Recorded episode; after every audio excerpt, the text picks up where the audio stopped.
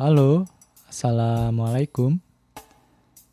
Balik lagi di podcast Rian Hernamawan ya. Dan hari ini episode 1. Kalau kemarin kan cuman perkenalan doang ya. Nah, di episode 1 hari ini yang akan saya bahas itu sesuai sama judulnya, yaitu perseteruan di belakang panggung. Antara siapa? Antara seorang artis dengan staffnya atau dengan bisa dibilang rekan kerjanya lah ya gitu. Untuk teman-teman mungkin yang berprofesi sebagai uh, performer gitu ya, anak band gitu misalkan atau penyanyi atau aktor bahkan. E, pasti di dalam menjalankan pekerjaannya itu banyak pihak-pihak yang terlibat kan. Kita pasti punya rekan kerja rekan kerja yang tugasnya itu di belakang panggung. Contoh misalkan make up artist misal atau stylist yang tugasnya ngurusin outfit seorang performer gitu atau seorang artis lah gitu ya pada umumnya. Nah, di episode kali ini kebetulan yang akan saya bahas itu terkait dengan hal-hal tersebut. Nah, jadi hampir udah hampir seminggu sih sebetulnya si beritanya ini. Jadi sekarang udah enggak terlalu rame lagi di medsos. Cuman saya dapat cerita ini tuh dari Twitter. Nah, jadi awalnya itu ada seorang stylish yang mengungkapkan keluh kesahnya di media sosial.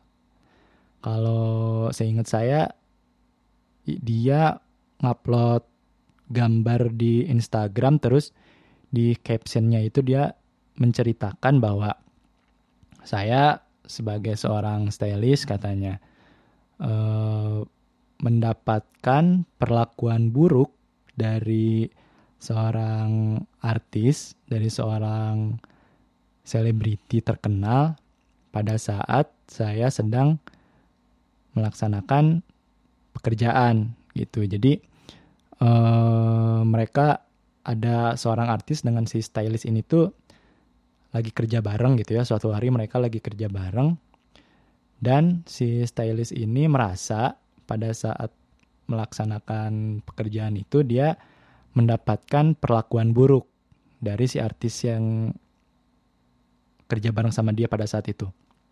Nah, perlakuan buruknya seperti apa? Kalau dari info-info yang saya dapat itu adalah jadi si stylist ini tuh kena tegur lah kena marah gitu sama si artis yang kerja bareng sama dia. Cuman menurut si stylist ini kemarahan yang diluapkan oleh si artis ini kepada dia itu berlebihan dan membuat dia seperti dipermalukan di depan umum gitu karena uh, setahu saya dari info yang saya dapat dia itu dimarahinnya kayak lagi banyak orang gitu, banyak staff, banyak uh, ada member-member dari temen segrupnya si artis ini juga. Jadi dia merasa malu mungkin. Dan dia merasa juga si artis ini tuh udah terlalu kasar gitu marah sama dia. Nah, atas dasar itu dia akhirnya si stylist ini mengungkapkan lah kekecewaannya di media sosial gitu dari unggahannya dia di medsos ini akhirnya mendapatkan respon dari netizen. Itu udah pasti lah ya. Namanya juga di medsos gitu, terpublikasi. Nah, setelah dia ngupload mulai banyak spekulasi siapa nih artis yang terlibat di uh, perseteruan ini gitu.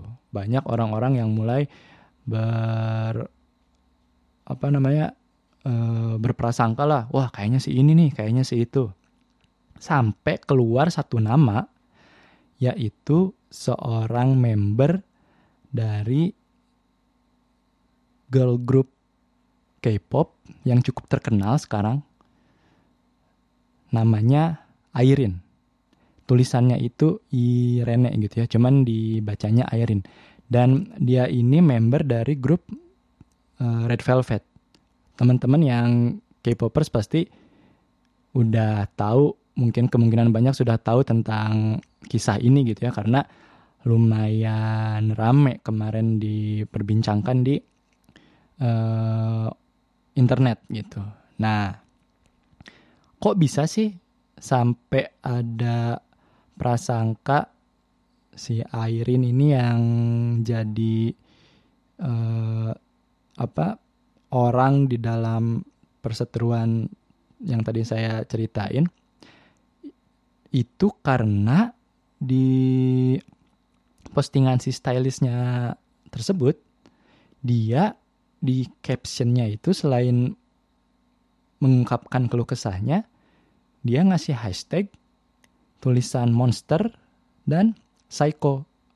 Di mana kedua kata itu sebenarnya judul dari lagu Red Velvet itu sendiri. Makanya mulailah orang-orang berspekulasi, oh kayaknya member Red Velvet nih, kayaknya air ini gitu kan. Nah, sampai beberapa saat belum ada konfirmasi dari pihak uh, manajemennya Red Velvet dan juga dari si stylistnya ini emang nggak sebut nama dia. Cuman kalau nggak salah sih ketika saya baca berita itu sorenya muncul muncul uh, semacam klarifikasi gitu dalam bentuk postingan Instagram yang dilakukan oleh Airin. Ternyata di postingan itu Airin e, mengkonfirmasi bahwa memang betul orang yang dimaksud oleh sang stylist itu adalah saya, katanya gitu. Ini bukan translatean secara e, menyulur secara benar aslinya gitu ya, cuman inti dari apa yang dia bicarakan aja gitu. Karena ya dia tulis pakai bahasa Korea saya nggak ngerti. Nah intinya dia mengakui bahwa di dalam postingan yang di upload oleh stylist itu orang yang dimaksud adalah saya katanya gitu dan dia secara personal meminta maaf kepada hmm, orang-orang gitu kepada fansnya kepada uh, stylistnya itu sendiri bahwa pada saat itu memang saya melakukan kesalahan. Uh, intinya di postingannya dia gitulah permintaan maaf dan uh, klarifikasi gitu. Nah, akhirnya setelah ada klarifikasi dari Airin, uh, mulai saya pikir bakal oh ya udah gitu selesai. Uh, Airin sudah minta maaf, Terus pertanyaan-pertanyaan netizen juga sudah kejawab gitu siapa sih orang yang dimaksud sang stylist gitu ya. Tapi tidak segampang itu ternyata. Ternyata setelah ada klarifikasi dari Airin, si berita ini tuh semakin hot, semakin banyak yang membahas kalau misalkan dari pihak fans sudah pasti ada yang e, bermaksud untuk melindungi itu biasa lah ya gitu. Apalagi fans-fans yang hooligan gitu. Yang wah fanatik banget itu banyak ungkapan-ungkapan yang e, menyatakan bahwa ingin melindungi Airin dari kontroversi dan bilang bahwa ya udah gitu. Uh, namanya orang mungkin bisa bikin salah atau segala macam dan dari pihak fans juga banyak yang uh, semacam kayak bikin event di Twitter dan di Instagram juga untuk ngasih support message ke Airin gitu agar dia nggak terlalu stres lah mungkin ya tujuannya supaya tetap tenang gitu uh, menghadapi permasalahan ini gitu kan.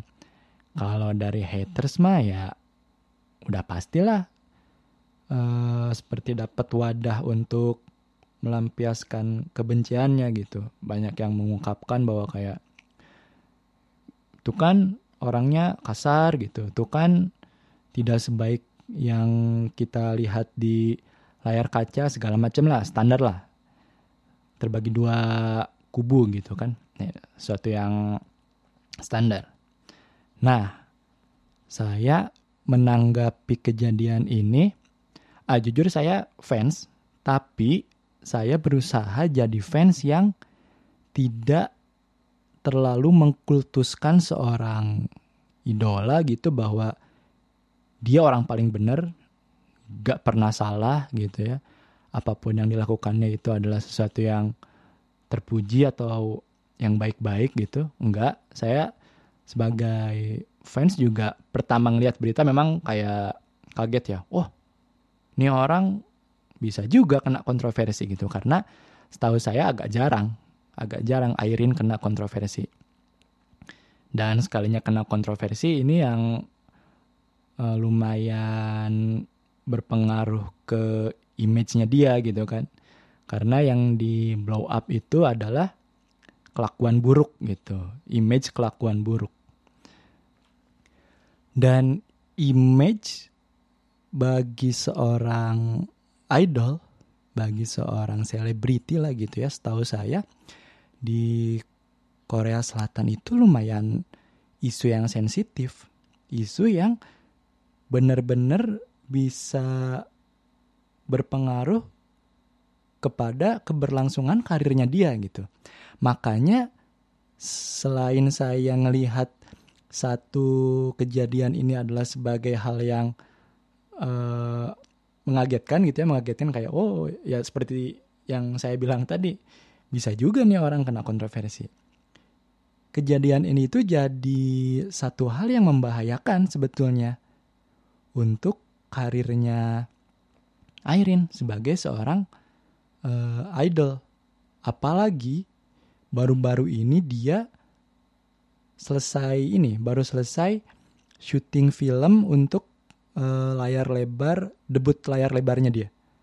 Wah, keluar kontroversi ini. Kemarin sampai ada sempat berita menyatakan bahwa apa rilisnya ditunda rilis film debutnya dia ditunda. Pengaruh dari kontroversi yang dia uh, terlibat saat ini tentang perseteruannya dengan seorang stylist gitu kan ya. Bisa segitu berpengaruhnya dan masih banyak lagi pengaruh-pengaruh lainnya gitu. Nah, selain uh, kekhawatiran akan apa namanya karirnya Airin gitu ya, karena saya ngelihatnya gini, oke okay lah dia pada saat ini uh, berbuat kesalahan, dia sudah minta maaf juga dan permintaan maafnya juga sudah dikonfirmasi oleh pihak stylistnya. Jadi uh, setelah si berita ini semakin rame, akhirnya uh, besoknya atau beberapa hari setelahnya gitu si stylistnya ini pun uh, memberikan postingan uh, baru di media sosialnya yang menyatakan bahwa Airin sudah mendatangi saya. Dia bilang gitu. Uh, dia sudah meminta maaf gitu ya. Dia sudah menyesali perbuatannya segala macam uh, secara personal. Jadi benar-benar ketemu dua pihak ini dan si stylist ini berharap yang dia harapkan cuman untuk Airin tidak lagi melakukan hal serupa kepada orang lain gitulah. Nah, eh, di awal tadi yang saya bilang ada kekhawatiran itu adalah dari segi eh, masa depan karirnya. Kenapa saya mengkhawatirkan itu?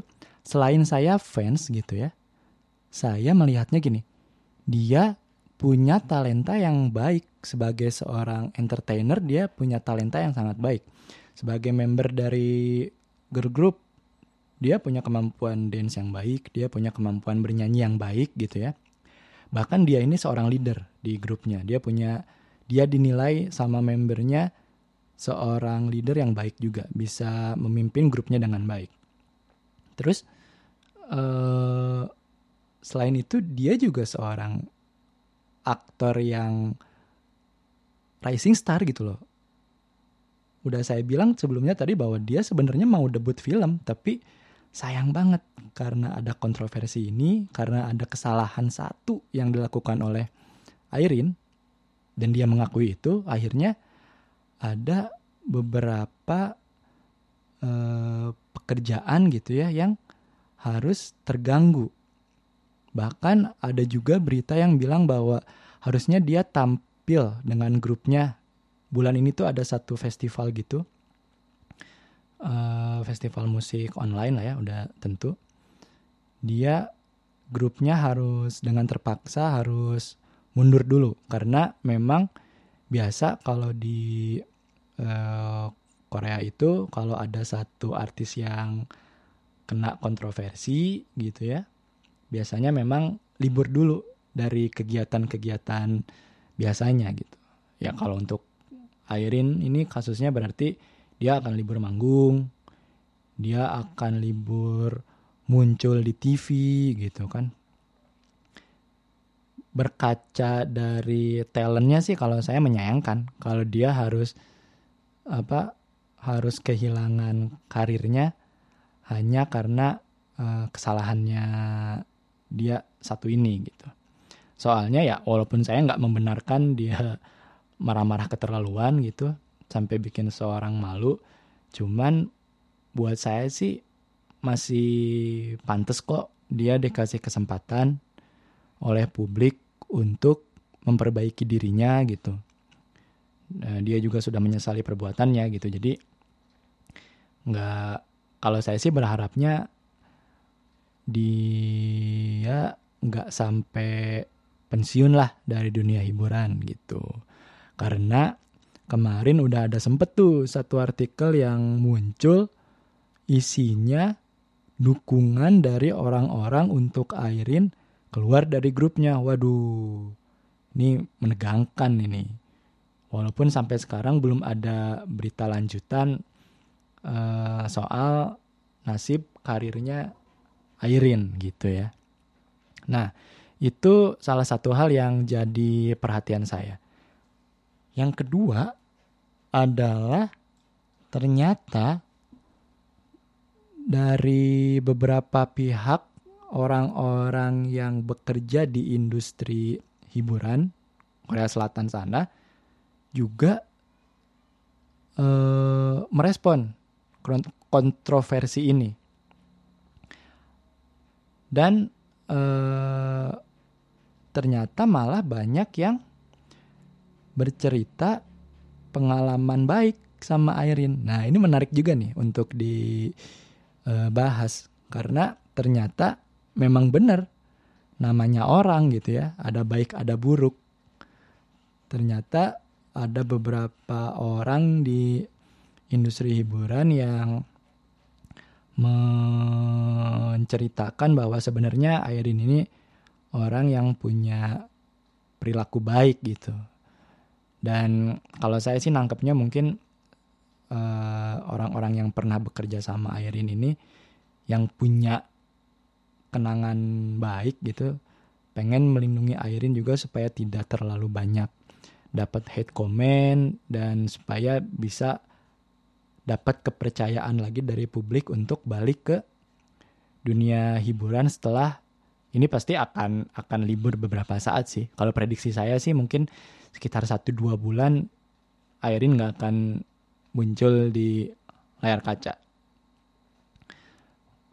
Nah, ini menarik ternyata membuktikan juga bahwa ya pada saat itu murni Airin melakukan kesalahan.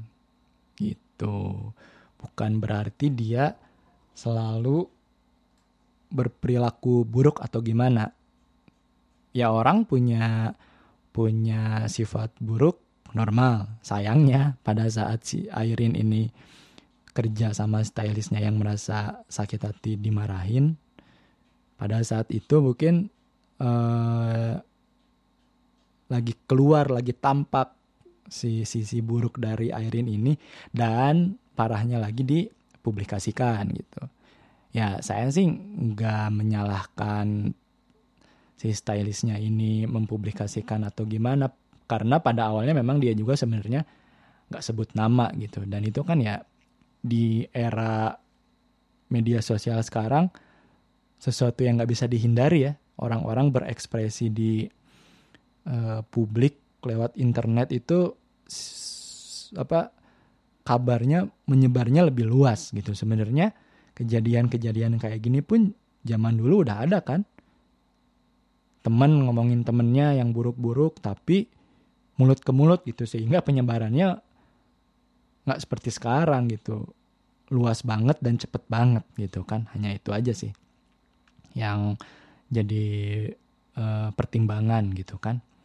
Karena saya juga setuju nih sama salah satu tweet dari teman saya dia menyatakan gini bahwa nggak mungkin lah ada orang yang nggak punya sisi buruk gitu. Yang ada paling sisi buruknya ini belum ketahuan atau memang pinter nutupinnya.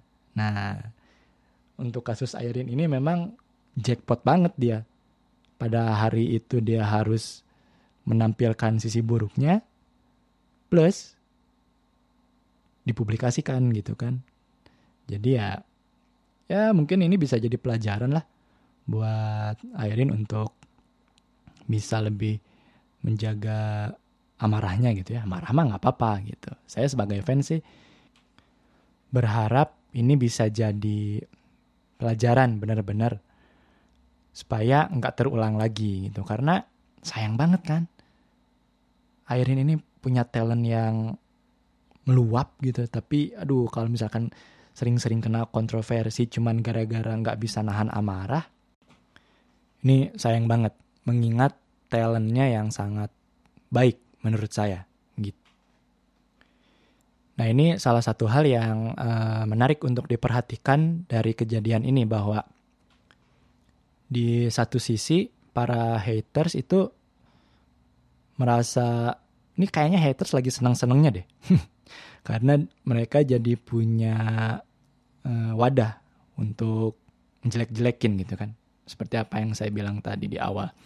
Tapi uh, langkah yang diambil Airin untuk minta maaf, segera minta maaf setelah uh, berita ini jadi viral, buat saya sih itu bijak dan saya sebagai fans uh, respect. Saya menilai itu satu langkah yang baik lah gitu. Karena gini, namanya haters gitu ya, kalau kita bilang dari sisi haters, lu mau minta maaf juga akan tetap dihujat gitu ya, dibilang misalkan, ah minta maafnya nggak tulus nih, lewat medsos doang gitu. Ah minta maafnya nggak nggak tulus nih, minta maaf gara-gara beritanya udah viral doang gitu misalkan. Kalau misalkan nggak viral mah nggak belum tentu bakal minta maaf. Banyak komentar-komentar seperti itu. Apalagi nggak minta maaf. Pasti bakal banyak hate comment yang lebih sangar daripada yang tadi saya bilang itu contoh gitu kan. Jadi ya mendingan minta maaf. Masalah bisa selesai gitu kan dan bisa lebih uh, apa bisa lebih sadar bahwa oke okay, kemarin saya salah tetot gitu sorry gitu kan di satu sisi lainnya juga dukungan-dukungan dari para pelaku industri ini juga menunjukkan bahwa kalau menurut saya ya karena kan banyak juga orang pelaku industri sana dari mulai stylist gitu terus ada dancers yang sempat kerja sama Airin mengaku bahwa sebetulnya Airin ini adalah sosok orang yang baik kok gitu. Saya melihatnya ini sebagai upaya para uh, pelaku industri yang punya pengalaman baik bekerja sama Airin untuk bilang ke publik bahwa Airin yang kemarin kebetulan melakukan kesalahan masih pantas kok dimaafin, masih pantas kok dikasih kesempatan untuk comeback ke industri setelah mungkin ya pasti setelah ntar keadaan lebih tenang lah gitu. Intinya jangan sampai Airin tidak berkarir lagi di industri hiburan Korea Selatan hanya karena satu kontroversi yang kebetulan kemarin terjadi. Nah, hal lainnya yang pengen saya bahas dari kejadian ini adalah gini. Ada ketidakpuasan dari diri saya pribadi melihat berita-berita yang beredar ini cuman ngangkat fakta bahwa Airin melakukan kesalahan dengan tindakannya uh, kepada seseorang gitu ya, secara verbal dia menyakiti hati seseorang gitu. Tapi fakta atau berita-berita yang uh, menceritakan tentang kok bisa dia marah-marah itu minim banget. Karena gini, saya rasa sih ha, wajar untuk orang tahu alasan dia marah-marah gitu. Nah ini saya ngerasanya agak kurang balance gitu. Yang di blow up cuman sosok Airinnya dengan fakta-fakta kesalahan yang dia lakukan. Bukannya saya mau nyari-nyari kesalahan dari sang stylist ya, atau mau mojokin dia karena saya fans gitu, enggak. Cuman buat saya sih ya lebih baik aja gitu kalau misalkan fakta dari kedua uh, sisi cerita ini terungkap gitu. Yang saya tahu itu cuman satu uh, ada satu postingan gitu dari seorang pemerhati gitu ya bahwa kemungkinan, no ini baru kemungkinan malah kemungkinan yang bikin Airin marah pada saat itu adalah karena kinerja dari si stylistnya ini sendiri gitu. Apa sih kesalahan apa sih yang dilakukan oleh stylistnya yang tampak dan yang dibicarakan oleh warga net kemarin sih adalah katanya gini. Pada saat Airin mau tampil di panggung itu dia diurusin masalah outfitnya itu last minute. Jadi kan stylist itu kerjanya dia nge, apa mempersiapkan uh, kostum panggung lah salah satunya itu. Nah pada hari itu dia manggung, Airin manggung katanya uh, terburu-buru. Jadi last, last minute gitu, dia disuruh ganti baju last minute yang menyebabkan performance dia di panggung itu terganggu. Terganggunya itu oleh satu alat yang namanya earpiece atau in-ear monitor gitu ya. Teman-teman yang uh, pemusik pasti familiar lah dengan apa yang dimaksud dengan in-ear monitor. Untuk teman-teman yang belum tahu, jadi itu tuh satu alat bentuknya kayak earphone. Dia di dipakainya di kuping gitu untuk uh, dimanfaatkan oleh seorang penyanyi biar bisa dengar uh, audio dari control room atau dari FOH gitu ya, dari mixer. Dan itu jadi guide dia untuk nyanyi, pengiring dia nyanyi dan dalam hal ini dance gitu kan. Karena uh, Airin tampil di panggung itu bernyanyi dan dance juga gitu. Nah, si alat ini itu selain dipasang di kuping, dia itu jadi bentuknya ada kabelnya dan dicolok ke uh, apa ya? Kalau saya sih nyebutnya receiver. Jadi ada bentuk kotak kayak gitu. Dia dicolok ke sana kayak nyolok headset ke handphone lah gitu. Nah, terus si si benda kotak ini biasanya dicantolin di pakaian si artis supaya nggak jatuh-jatuh gitu.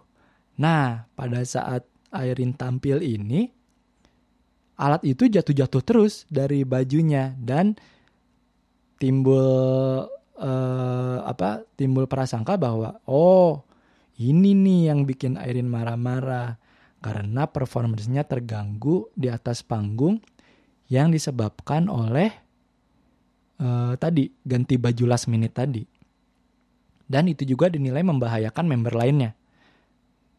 Karena kalau misalkan barang itu jatuh-jatuh kan bisa keinjak, terus ada kabelnya juga bisa terlilit gitu. Atau bisa menyebabkan jatuh segala macam karena cukup intens gerakan dance-nya ya tau lah teman-teman yang seneng K-pop pasti tahu gimana sih performance para uh, girl group atau boy group itu di atas panggung kan lumayan intens ya gerakan dance-nya. Nah, ini nih yang disangka oleh para netizen yang memicu amarah Airin di belakang panggung kepada stylistnya. Cuman sayangnya selain dari berita itu tuh selain dari apa ungkapan dari pemerhati yang tadi saya bilang itu tuh nggak ada lagi berita-berita lain yang mengungkapkan bahwa apa sih nih alasan Airin marah gitu. Karena buat saya kalau itu terungkap lumayan membantu, lumayan membantu untuk uh, apa menjadikan publik lebih tahu tentang cerita di balik kontroversi ini. Kalau misalkan memang betul kinerja dari seorang stylistnya ini kurang baik sehingga menyebabkan hal-hal buruk tadi terjadi ya enggaknya kan si apa namanya si anggapan buruk ke Airin mungkin bisa lebih mereda atau mungkin malah bisa lebih mengungkapkan sebenarnya kejadiannya itu kayak gimana sih. Nah, itu kan akan lebih bagus kalau si beritanya kalau menurut saya pribadi ya balance gitu. Cuman ini sayang nggak tahu karena nggak mau di reveal atau gimana.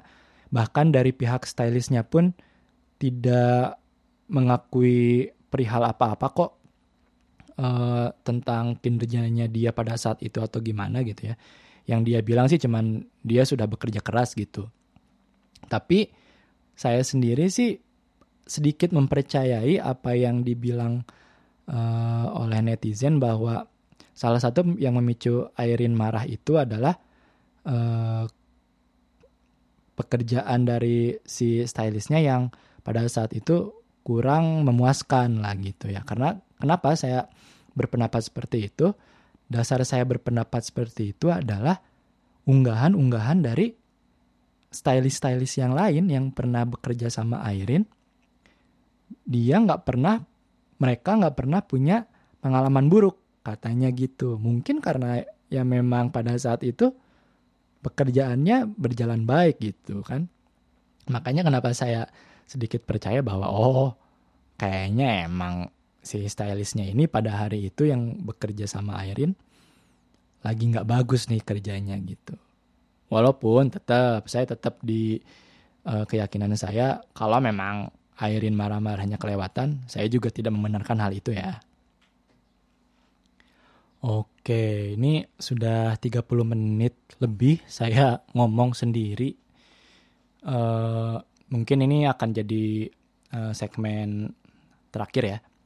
Gini, uh, satu hal yang mau saya ungkapkan di akhir episode ini adalah pertama, teman-teman yang pengen tahu lebih detailnya tentang kejadian ini, bisa mungkin googling aja uh, tulis nama Irene, Irene, Red Velvet. Biasanya nanti udah paling atas tuh berita tentang kontroversi ini atau uh, kontroversi Irene dengan stylist gitu. Nanti ada banyak berita-beritanya.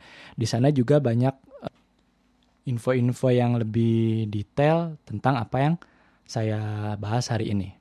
Nah, kedua yang mau saya sampaikan adalah gini. Di bidang pekerjaan apa pun, mungkin kan eh, hubungan antara kita dengan rekan kerja kita itu akan sangat berpengaruh gitu.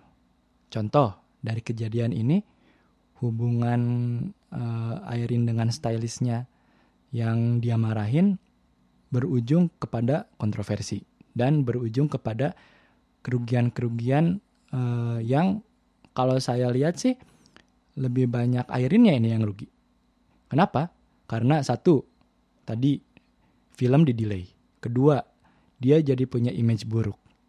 Ketiga, ada beberapa brand kosmetik yang mensponsori dia nge-take down poster-poster yang ada gambar dianya karena takut kecipratan uh, image buruk. Yang keempat ini yang paling parah nih.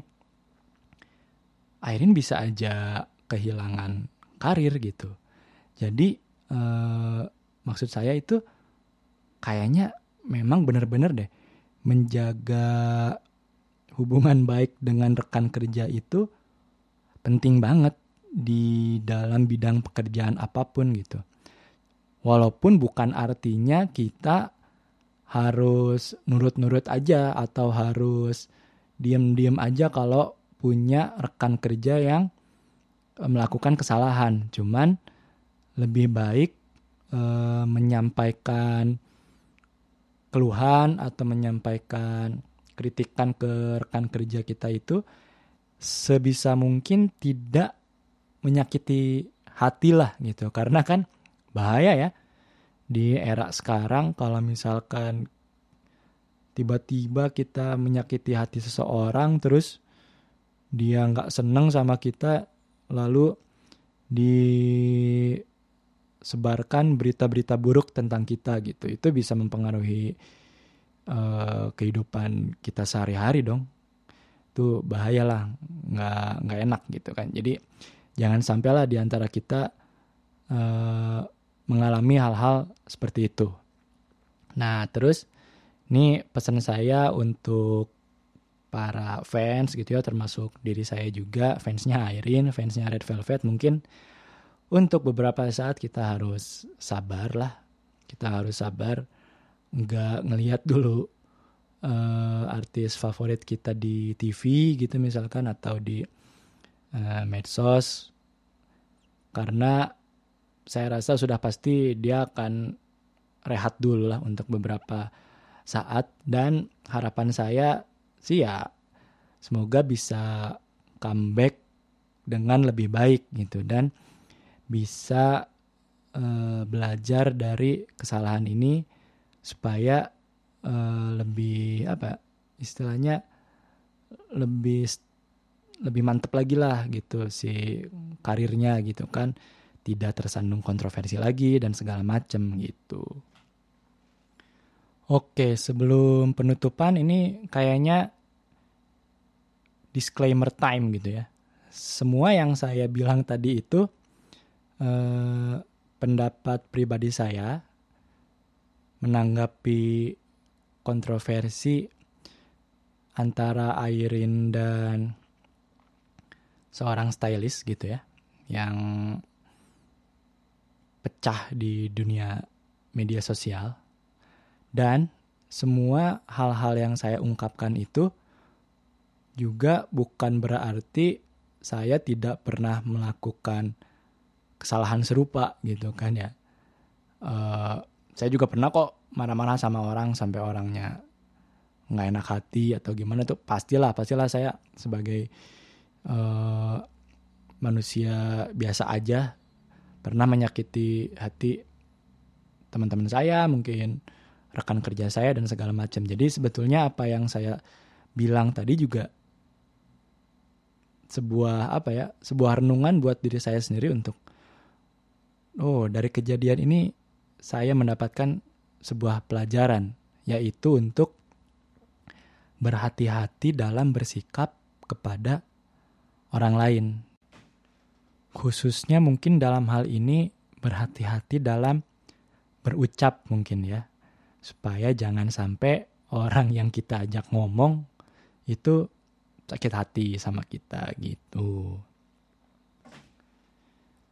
Oke, mungkin untuk episode ini sekian. Uh, terima kasih untuk teman-teman yang udah dengerin walaupun ini saya ngebahas tentang seorang artis K-pop gitu ya.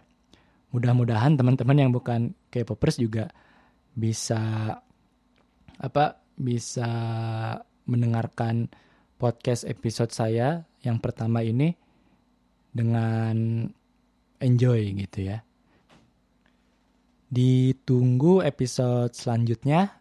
Saya nggak akan bilang saya akan upload kapan karena memang nggak ada jadwal jelas ya seperti yang udah saya bilang di uh, episode perkenalan kemarin. Cuman mudah-mudahan podcast ini terus berjalan lah gitu. Buat teman-teman yang punya masukan, saran tentang apa pun, khususnya tentang bahasan-bahasan yang kira-kira bisa saya uh, tuangkan di podcast ini, silahkan komen atau DM saya di Twitter atau Instagram. Namanya Rian Hernamawan. Kecil semua dua-duanya sama. Sekali lagi terima kasih untuk yang sekarang udah mendengarkan dan terima kasih juga untuk kawan-kawan saya yang kemarin udah ngedengerin episode perkenalan dan uh, menyampaikan supportnya gitu Terima kasih banyak ya teman-teman. Sampai jumpa di episode selanjutnya.